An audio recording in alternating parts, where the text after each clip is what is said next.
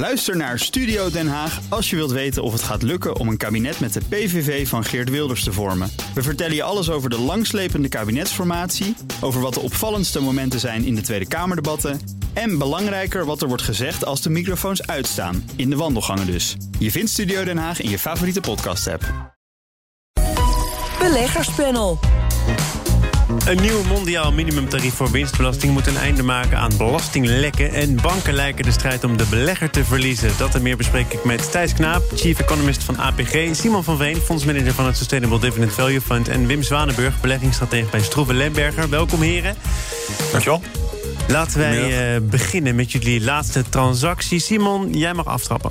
Ja, uh, Thomas, uh, in een week dat uh, Shell te horen kreeg dat ze versneld moeten verduurzamen volgens de rechter, hebben wij gekozen voor een bedrijf wat eigenlijk zo'n 10, 20 jaar vooruit loopt. Um, wat het Shell van de toekomst, zeg maar. Deze Ørsted hadden we al een portefeuille, hebben aandelen bijgekocht, omdat ze vorige week hun Capital Markets Day hadden en daar hun duurzame doelstellingen flink naar boven hebben bijgesteld. Ze zijn van plan um, in 2030 zo'n 50 gigawatt aan groene energie op te wekken van 12 uur. Dus dat betekent een verviervoudiging van hun productie. En um, dat ook tegen een hoger rendement. Dus rendementsverwachtingen op geïnvesteerd kapitaal zijn omhoog opgeschroefd naar 11% per jaar. En dat zou betekenen dat ze de komende jaren zo'n cashflow gaan zien groeien met uh, minimaal 12%. En uh, ja, dat zijn gewoon hele mooie, goed voorspelbare verwachtingen. En precies, want dat is wel belangrijk. Hè? Bijvoorbeeld een bedrijf als Shell is ook alles uh, van plan. Het staat op papier. Maar in dit geval mag je ervan uitgaan dat het ook ongeveer zo gaat verlopen? Nou ja, heel veel van die uh, investeringen zijn natuurlijk al, al gepland, zijn al in aanbouw van die windmolenparken op zee of van die zonneparken. Um, dus die zullen gewoon de komende jaren opgeleverd worden. En dan mag je inderdaad van uitgaan dat ze het rendement gaan opleveren wat, wat de verwachting ook is.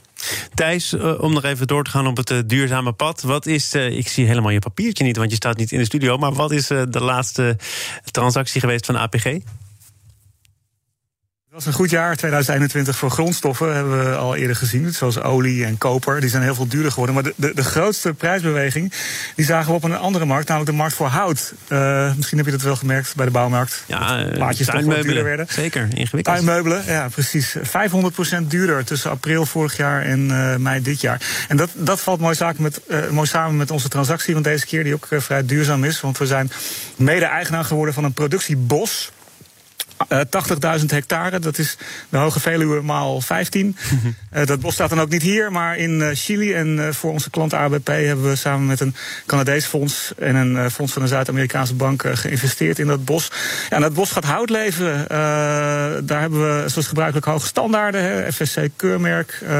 het draagt ook bij aan de Sustainable Development Goals. Maar vooral voor mij als econoom is het leuk dat ik weer eens mag rekenen met de zogenaamde biologische groeivoed. Hout levert hout op. En uh, ja, dat gaat dan met een tempo van 1% uh, per jaar uh, voor hardhout tot meer dan 5% voor andere soorten hout. En als je dat vergelijkt met de rente, dan zijn dat torenhoge percentages. En het komt uiteindelijk terecht in mijn tuintafel? Of kan het ook terechtkomen in de biomassacentrale van Vattenval?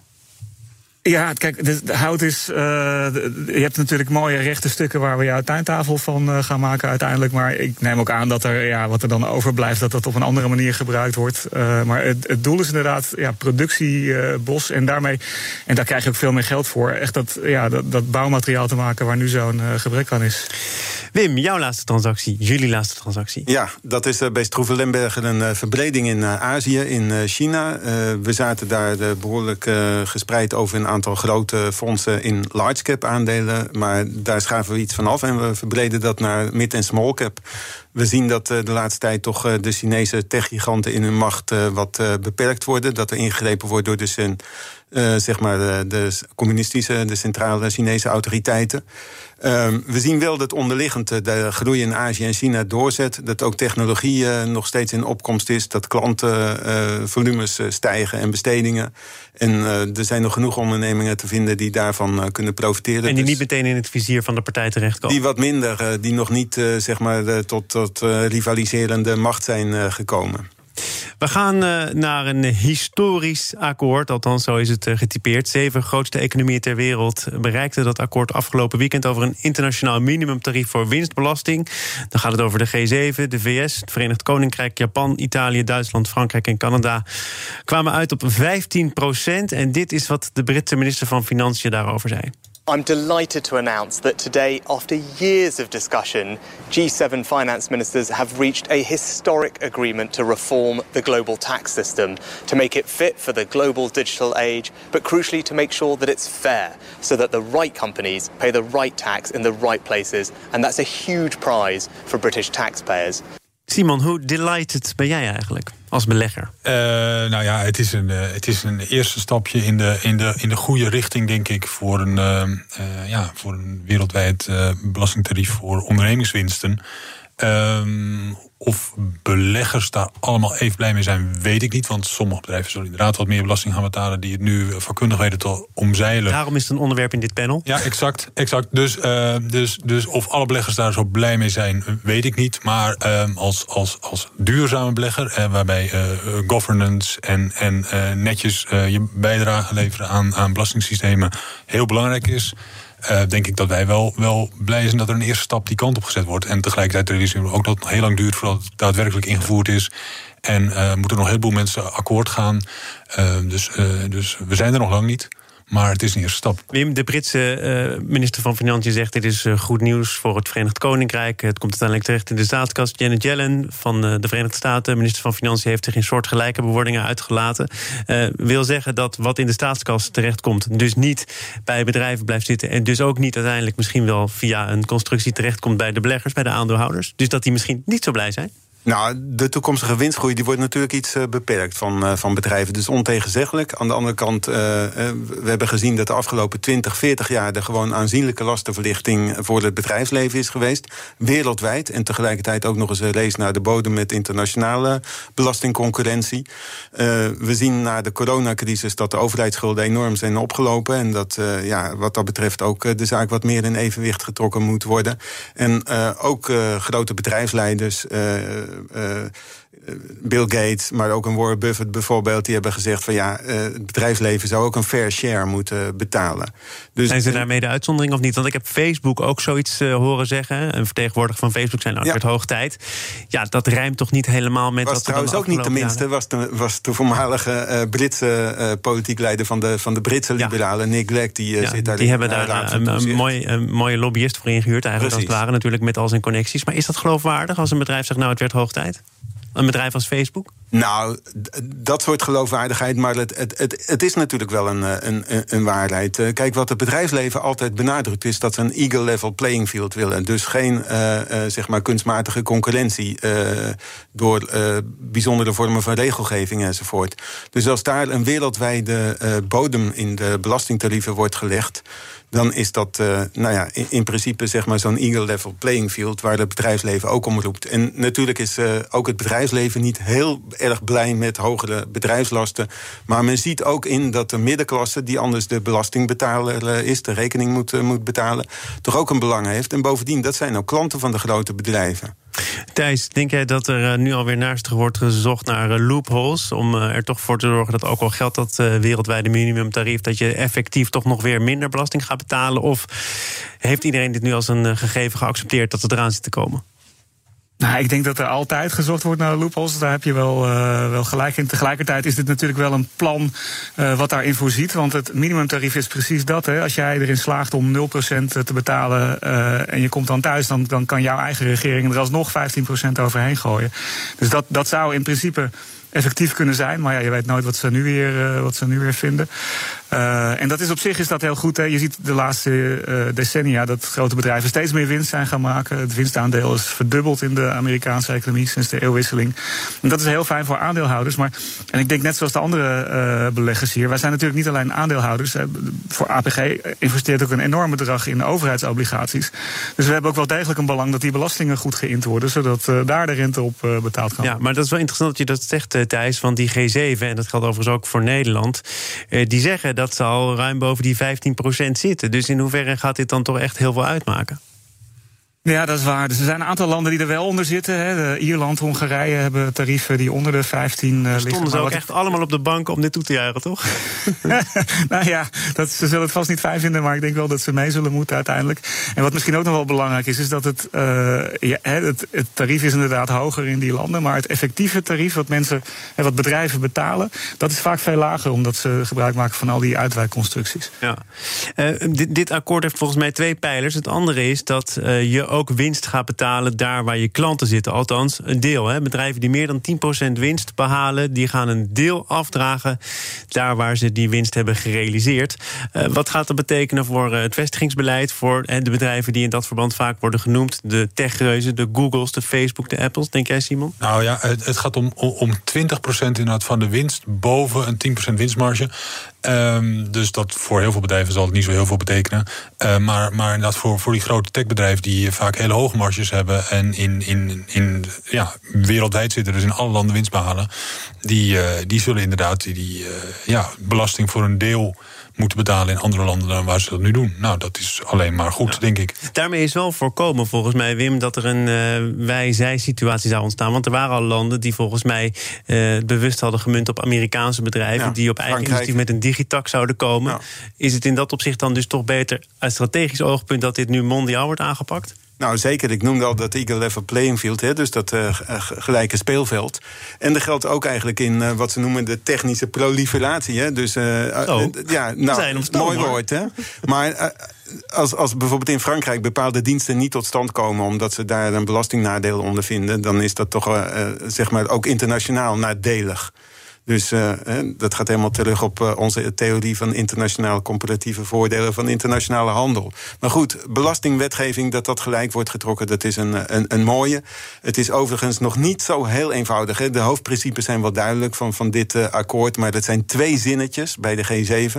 Moet komende weekend bevestigd worden door de G20 en daarna uitgewerkt worden. En dan kom je en waar de klanten zitten. landen kom je natuurlijk tegen. Ja, nou, India en China moeten met name ook uh, mee, mee gaan doen. En ook uh, de Latijns-Amerikaanse landen. En zelfs binnen Europa hebben we het nog moeilijk met de verdeling. En te zeggen waar de klanten zich precies bevinden. We hebben steeds meer diensten, een diensteconomie. Hè? En waar dan precies de klanten zitten en waar de omzet gemaakt wordt, is moeilijker vast te stellen dan in een oude productie-economie. Betekent wel dat we er in beleggerspanels nog heel vaak op terug kunnen komen. Dus dan nodig ik jullie graag opnieuw uit. Nu eerst een ander onderwerp. Zaken doen. Thomas van Zeil. En dat ga ik bespreken met Thijs Knaap. Chief Economist bij APG, Simon van Veen, fondsmanager van het Sustainable Dividend Value Fund en Wim Zwanenburg, beleggingsstratege bij Stroeven Lemberger.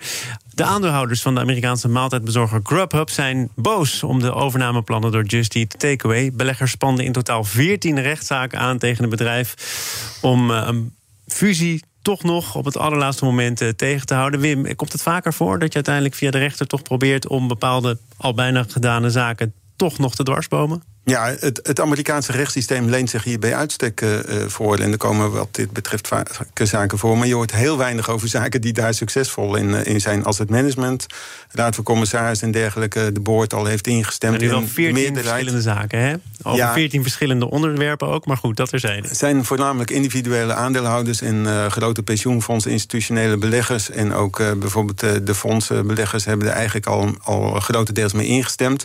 Het is ook een soort spijtconstructie want uh, deze aandeelhouders die nu bezwaar aantekenen... die zien dat de koers van uh, Just Eat Takeaway is, uh, is gedaald... en ze krijgen uitbetaald in aandelen. Dus ze willen gewoon meer cash zien en daar wat aan de voorwaarden. En dan gaan ze natuurlijk zeggen dat er bevoordeling heeft plaatsgevonden... van, van managers en, en, en, en de bedrijfsleiding. Nou, dat vind ik altijd wat, uh, wat uh, gemaakt. Maar is dit dan, Simon, een uiterste poging om de prijs nog wat op te drijven, om iets meer te krijgen? Ja, en, zo, en, en zijn ze dan tevreden? Ja, zo zou je het wel een beetje kunnen noemen. Kijk, de, toen een jaar geleden het bod werd uh, gedaan, toen stond de koers van uh, Just Eat op uh, ongeveer 100 euro en nu op uh, 75. Ja, dus nee, dat is gewoon 25% minder. Terwijl de, de hele aandelenmarkt als geheel in die tussentijd 20, 30% omhoog is gegaan. Dus ja, dus er het zijn. Het is toch een ingecalculeerd risico. Je kunt het doen in cash en je kunt het doen in aandelen, toch? Of ja, en, en, en, en daarom is het als je als overnemende partij meer zekerheid wil, kan je beter een bod in aandelen doen. En dan in dat geval Just Eat dus eerst aandelen uit moeten geven en dan die cash moeten gebruiken om uh, de Grubhub aandeelhouders uit te kopen. Daar hebben ze niet voor gekozen. En een bod in aandelen, dat is wat dat betreft altijd meer risicovol. Ja. Nou, nou, Zeker als het langer duurt. Kan ik me Wim van anderhalve week geleden nog uh, wat grimmige tweets van Jitse Groen herinneren? Want de daling van de koers heeft voor een deel te maken met de entree van een paar grote concurrenten in Duitsland. Ja. En dan zou het zo kunnen zijn dat die timing bewust gekozen is om de aandeelhouders van Grubhub uh, woedend te maken. Ervoor te zorgen dat zij alsnog niet zouden instemmen met die overname. En zo valt alles op zijn plek. Uh, zit ik dan te veel in een complot te denken of zou het zo kunnen zijn gelopen?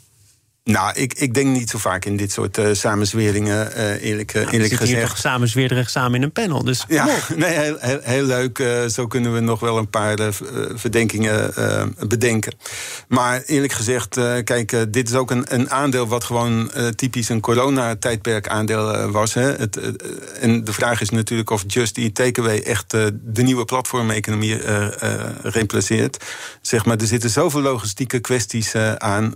dat daar ook een schaalgrootte voor nodig is en internationale concurrentie intens is, dat is heel duidelijk. En daarom eerlijk gezegd behoort dit niet helemaal tot mijn favoriete aandelen. Mm. Dat dit verwijt uh, uh, nou terecht zou zijn, dat weet ik niet. Ik denk het niet. Thijs, tot slot, want uh, dit zijn allemaal geen nieuwe plannen. Hè? De gesprekken met uh, Grubhub en Just Eat Takeaway... die lopen al ongeveer een jaar, meen ik. En uh, nu uh, lijkt het dan bijna zo dat de beer geschoten is... en moeten er allemaal nog zaken voor de rechter komen.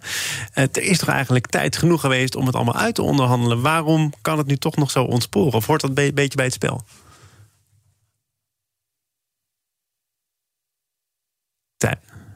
Thijs is, Thijs is weg. Ik denk niet dat het een van zijn favoriete aandelen was. Hij kan zich bij jou voegen, Wim. Dan gaan we naar, uh, naar aandelen die al een hele tijd niet echt tot de favorieten van uh, beleggers behoren. Namelijk uh, banken. Toezichthouders en beleggers maken zich zorgen over de zwakke financiële positie van de banken. Door de lage rente maken die al een hele tijd heel erg weinig winst. En ja, de coronacrisis duwt sommige banken wel heel erg richting het randje. Ehm, heb ik daarmee ook de belangrijkste verklaring al gegeven waarom veel beleggers banken links laten liggen? Ja, de, de, de lange termijn reden is natuurlijk dat beleggers uh, ook wel inzien dat ze sinds de financiële crisis van inmiddels, wat is het, twaalf jaar geleden, uh, gewoon veel minder rendement op banken maken. Omdat de kapitaalseisen op banken fors omhoog zijn gegaan. En die zijn, Basel 1, 2, 3. Ja, noem het maar. stel ze maar bij elkaar op. En dan, en dan kom je gewoon tot, uh, nou ja, banken moeten heel veel kapitaal aanhouden. Dat is geweldig fijn voor de, hè, voor de klanten van banken, van spaarders, want hun geld is veel zekerder. Um, maar het is niet fijn voor beleggers in banken, want die uh, verdienen gewoon niet zoveel meer als er uh, zoveel kapitaal aangehouden moet worden. En, en, en ja, dat is niet gek, dat, dat, dat zagen we al heel lang aankomen. Um, en daardoor denken beleggers van nou wegwezen uit die, uit die bankhoek. En dan zijn er dus allerlei andere dingen overheen gekomen. Bijvoorbeeld dat op ja. dit moment het, uh, rente, het verdienmodel van banken gewoon zwaar onder druk staat omdat de rente zo laag is. Dat speelt niet mee. En, en er zijn her en der wat uh, governance issues bij banken, wat ook niet helpt. Um, tel het bij elkaar op. En, en, dat helpt ook ja, niet. Nee. En, en, en, en de koersen van banken blijven achter. En kijk jij er nou, met dit jaar naar, valt dat trouwens wel mee. Hè? Want uh, met name Amerikaanse financials hebben het uh, door de oplopende rente, uh, oplopende rentecurve, ook de verstijling van de yield curve, om het in technische jargon te zeggen. Maar het verschil tussen lange en korte rente, die is in, dat is in Amerika opgelopen. Dus dat komt ten goede aan de, aan de rentemarge van de banken. Maar dat geldt in Europa nog niet. Bovendien, de Europese banken worden echt zwaar getroffen door de toenemende zware regelgeving. Ook om witwaspraktijken en dergelijke tegen te gaan, compliance. Je noemde net zelf al die governance issues. Als je al nagaat dat bij ABN AMRO... meer dan een vijfde van de medewerkers... zich met anti-witwaspraktijken en controle... Ja, maar Wim, hoe zou dat nou komen? Dat heb je natuurlijk dan toch ook, om het streng te zeggen... een beetje op jezelf afgeroepen. Nou, precies. Dus misschien is die financiële sector in het verleden wel overgewaardeerd. Maar we moeten niet vergeten dat dat toch in het verleden wel de smeerolie was. Waardoor zeg maar, ook investeringen mogelijk zijn uh, gemaakt.